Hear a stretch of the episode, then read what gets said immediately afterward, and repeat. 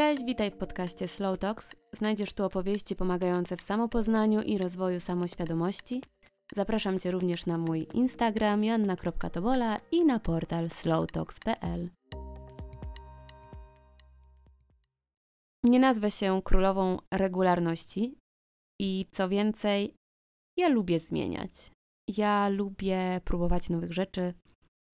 Czasem szybko się nudzę, i teraz wiem, że to już jest takie świadome, albo przynajmniej trochę bardziej świadome porzucanie czegoś, co rozpoczynam. E, kiedyś myślałam, że to po prostu jest mój problem z tym, że nie umiem w czymś wytrwać dłużej. No ale tak czy siak, mimo tego wstępu o tym, że tą królową regularności nie jestem, to w tym odcinku dzielę się właśnie takimi moimi sześcioma punktami, i to są moje osobiste spostrzeżenia, które pomogły mi przezwyciężyć poddanie się, porzucenie tematu, pomogły w zachowaniu zajawki, pomogły w zachowaniu właśnie tej regularności i takiej chęci do tego, by dalej tworzyć projekty, które zapoczątkowałam, w które wierzę, a propos których dostaję fajny feedback. I mam tutaj na myśli takie dwie rzeczy. Jedną z nich jest ten podcast, bo to już jest chyba 21 odcinek. A drugą jest cotygodniowy newsletter, który nazywam Slow Letterem i już za chwilę będzie miał swój 60 odcinek, co patrząc z perspektywy czasu jest chyba rzeczą, którą robię regularnie raz w tygodniu, najdłużej w swoim życiu. I te sześć wskazówek to są takie rzeczy, które pozwoliły mi też na to, aby te rzeczy regularnie robić ze spokojem w głowie i bez takiej zbędnej autospiny. I przez ostatni rok nauczyłam się, że regularność można wypracować. Czy to w ćwiczeniach, w tworzeniu, czy po prostu nawet jeżeli chcemy budzić się codziennie o tej samej porze. I jedyne, co jest ważne, przynajmniej dla mnie ważne, może dla ciebie też, to znalezienie takich motywatorów i paliwa do działania, ale przy okazji, choć ja zauważyłam, że dla mnie jest to ogromnie ważne i mam ogromnie taką potrzebę, to poza tym motywatorem, paliwem do działania, ważne jest też to, aby nie być dla siebie zbyt surową. I te sześć wskazówek oprę o to, jak sprawiłam, że w ciągu ostatnich 16 miesięcy napisałam i wysłałam tych 60 newsletterów z treściami rozwojowymi, i swoją drogą, jeżeli chcesz dołączyć do ponad 5000 odbiorców tego newslettera, to w opisie odcinka zostawiam link do zapisów. Dobra, przechodząc do konkretów. Pierwsza moja wskazówka brzmi: zacznij z tym, co masz. Decydując się na tworzenie tego newslettera, nieszczególnie od razu stworzyłam złożoną szatę graficzną czy długą listę tematów do poruszenia Jakiegoś dnia, leżąc jeszcze wtedy na zanzibarskiej plaży, słuchałam podcastu Bartka Pucka i Jarka Kuźniara, podcastu Technologicznie, o tytule Wielki powrót newslettera. I ja wiem, że ten podcast pojawił się w moim życiu w idealnym momencie, bo czułam, że Instagram, na którym tworzyłam, nie dawał mi takiej swobody do mocniejszego zgłębiania tematów rozwojowych. I wtedy, kiedy wysłuchałam tego odcinka, dostałam taki impuls i od razu po powrocie z plaży, nie pracuję z komputerem na plaży, nie polecam, nic, e, nic fajnego. Od razu siadłam do komputera, sprawdzić dostępne narzędzia do wysyłki newslettera. Stworzyłam pierwszą prostą szatę graficzną i spisałam kilka takich ważnych tematów dla mnie, które po prostu siedziały mi w głowie. Nie wiedziałam jeszcze wtedy, czy one będą w tym newsletterze, czy nie, ale po prostu zrzuciłam z głowy to, co w niej się działo. I to serio był taki impuls. Ale od przesłuchania tego odcinka podcastu do wysłania pierwszego newslettera minął tydzień, bo ja już tak mam, że zależy mi, aby jak najsprawniej przetestować y, moje pomysły i y, zobaczyć od razu, jak zareagują moi odbiorcy. Ja jestem Pewnie w tych odcinkach też to wybrzmiewa. Przeciwniczką tego, żeby bardzo długo kisić w sobie pomysł, y, polerować go i wypuszczać go po pół roku, po roku. Raczej wolę właśnie stworzyć wersję MVP takiego pomysłu i zobaczyć, jak zareagują ci, dla których to tworzę. I okazało się, że reagują fajnie. I każdy kolejny slow letter po prostu uzupełniałam o to, czego uczył mnie poprzedni I dzięki temu, że ten proces uczenia był od razu wpisany w ten projekt, ja czułam zajawę, by z tygodnia na tydzień nauczyć się czegoś nowego i by znajdywać usprawnienia, by ten newsletter po prostu był jak najbardziej ciekawy i dawał coraz większą wartość. Nie musiałam poświęcić tygodni czy miesięcy na wymyślenie strategii i przygotowywanie materiałów, i po prostu zaczęłam z tym, co miałam. A kluczowe pytania, które wtedy sobie zadałam, brzmiały: dlaczego to robię, co chcę dać odbiorcom slowlettera, ile chcę inwestować w to czasu. No i tyle mi na początek wystarczyło. A w takim podejściu bardzo pomogła mi myśl, która jest moją drugą wskazówką a propos tego, żeby zacząć robić coś regularnie, i ta myśl brzmi, że zawsze można się wycofać. Ja po prostu zakochałam się w tej myśli już kilka lat temu i uwielbiam mieć ją z tyłu głowy, bo ona daje mi taką przestrzeń właśnie do próbowania. Jeżeli zaczęłabym pisać ten newsletter z myślą, że muszę to robić regularnie, co tydzień, przez pół roku, rok, nieskończoność, to czuję, że to tak by mnie przytłoczyło, że szybko straciłabym radość z tego, z tego procesu, a w jej miejsce weszłoby takie odliczanie do końca tego, e, co w sumie sama wzięłam na swoją klatę. Dlatego postanowiłam, że dopóki odbiór tego newslettera będzie pozytywny i będę widzieć, że daje on wartość, a dodatkowo mnie wciąż taka forma dzielenia się wiedzą będzie jarać, to po prostu do tego momentu będę to robić. I zdaję sobie sprawę też z tego, że właśnie ta regularność, która się tutaj pojawiła i przyzwyczajenie odbiorcy pozwala na zbudowanie zaufania, ciekawości, większego zaangażowania i mamy czasem taką tendencję, że poddajemy się, kiedy zrobimy coś dwa albo trzy razy, a tymczasem po prostu potrzeba czasu, by zobaczyć efekty. I dodatkowo jeszcze sami obciążamy się myślą, że skoro już w coś się zaangażowaliśmy, to nie wypada się wycofać. A ja zawsze powtarzam, że oczywiście, że wypada, a nawet trzeba. Kiedy widzimy, że coś już nie ma sensu, nie ma również sensu nasze bycie dalej w tamtym miejscu. I to jest dla mnie taki sam przykład jak z czytaniem książek, bo kiedyś, kilka lat temu, zrozumiałam, że książek nie trzeba czytać do końca. Tylko do tego momentu, do którego sprawiają przyjemność, czy dają wiedzę, czy wciąż nas po prostu interesują.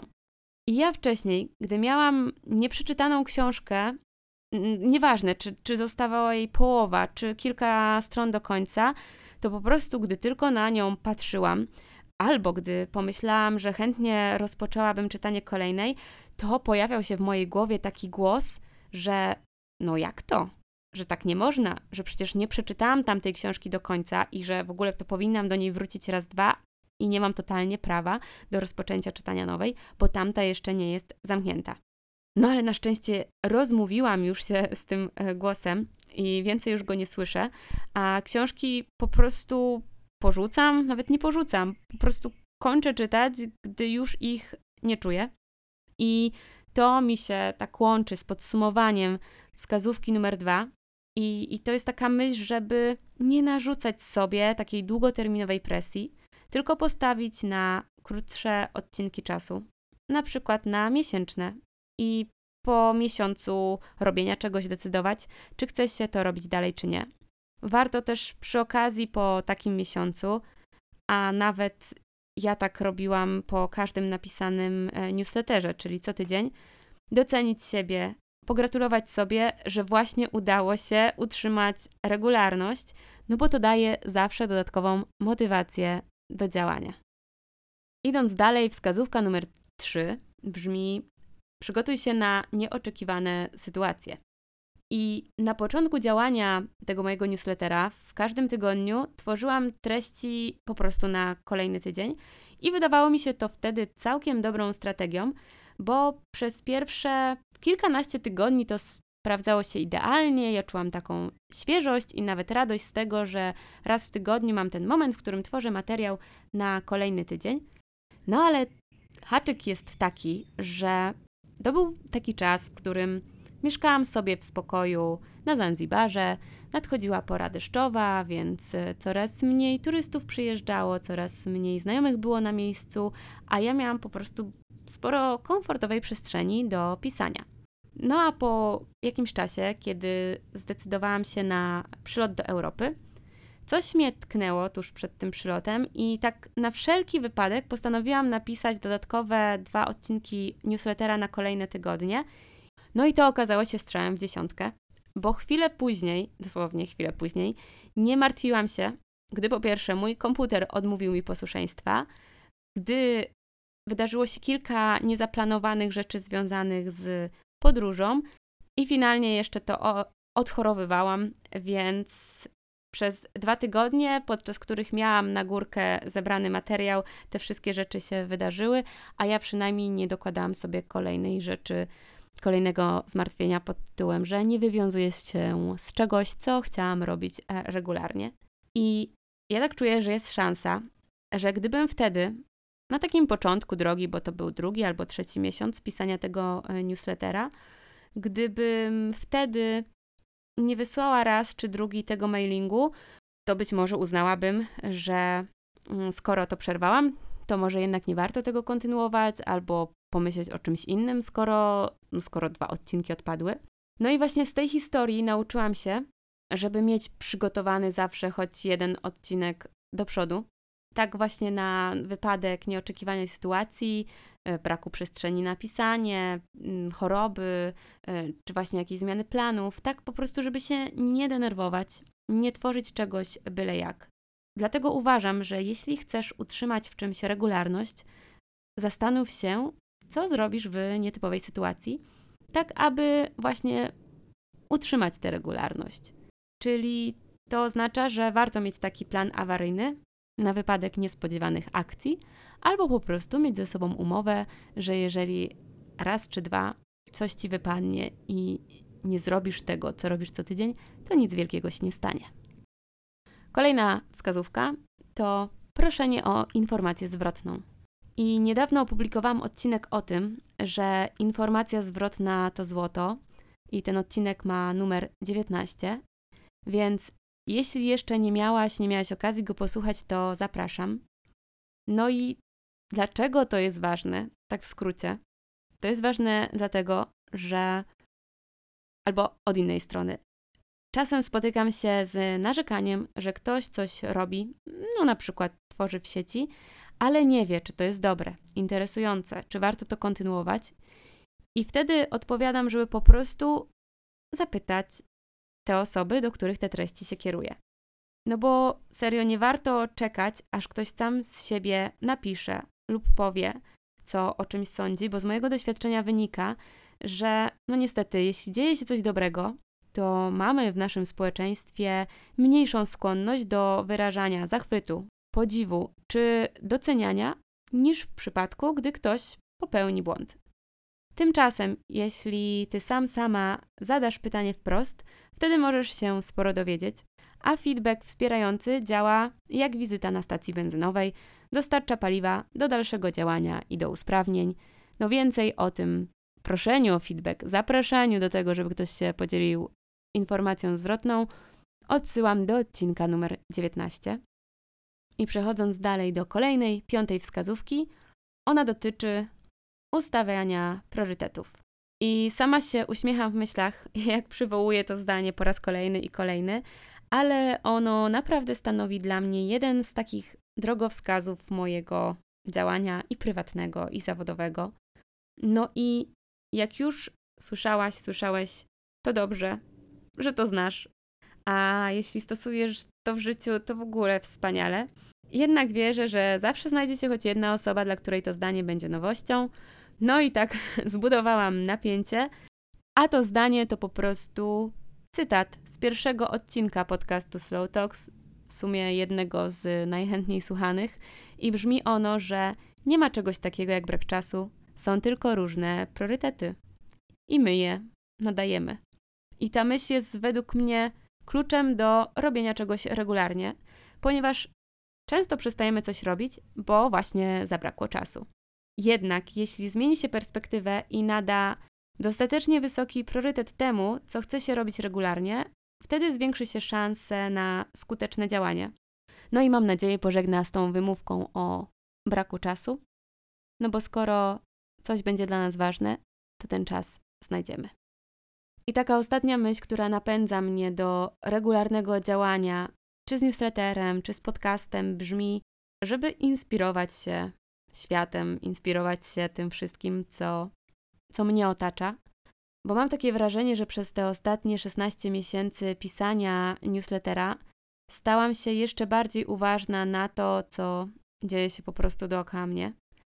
I na początku tworzenia slowlettera ogarnęła mnie taka obawa, że w końcu może dojść do takiego momentu, że zabraknie mi tematów do, do poruszania, że nie będę miała o czym pisać, nie będę wiedziała o czym pisać.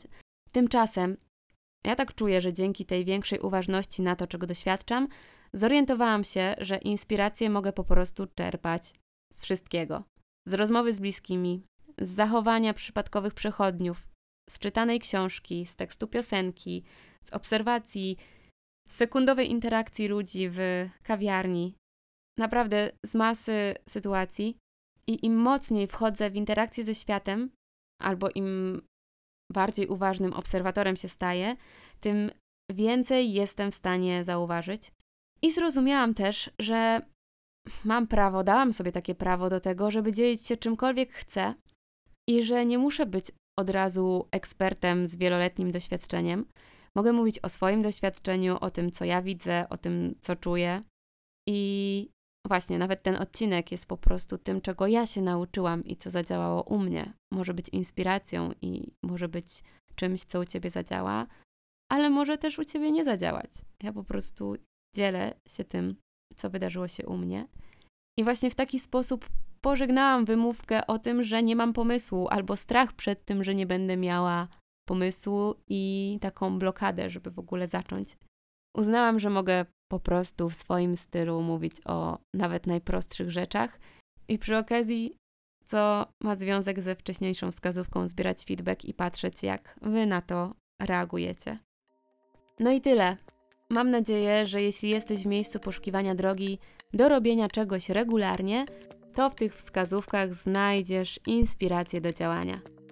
Do usłyszenia w kolejnym odcinku.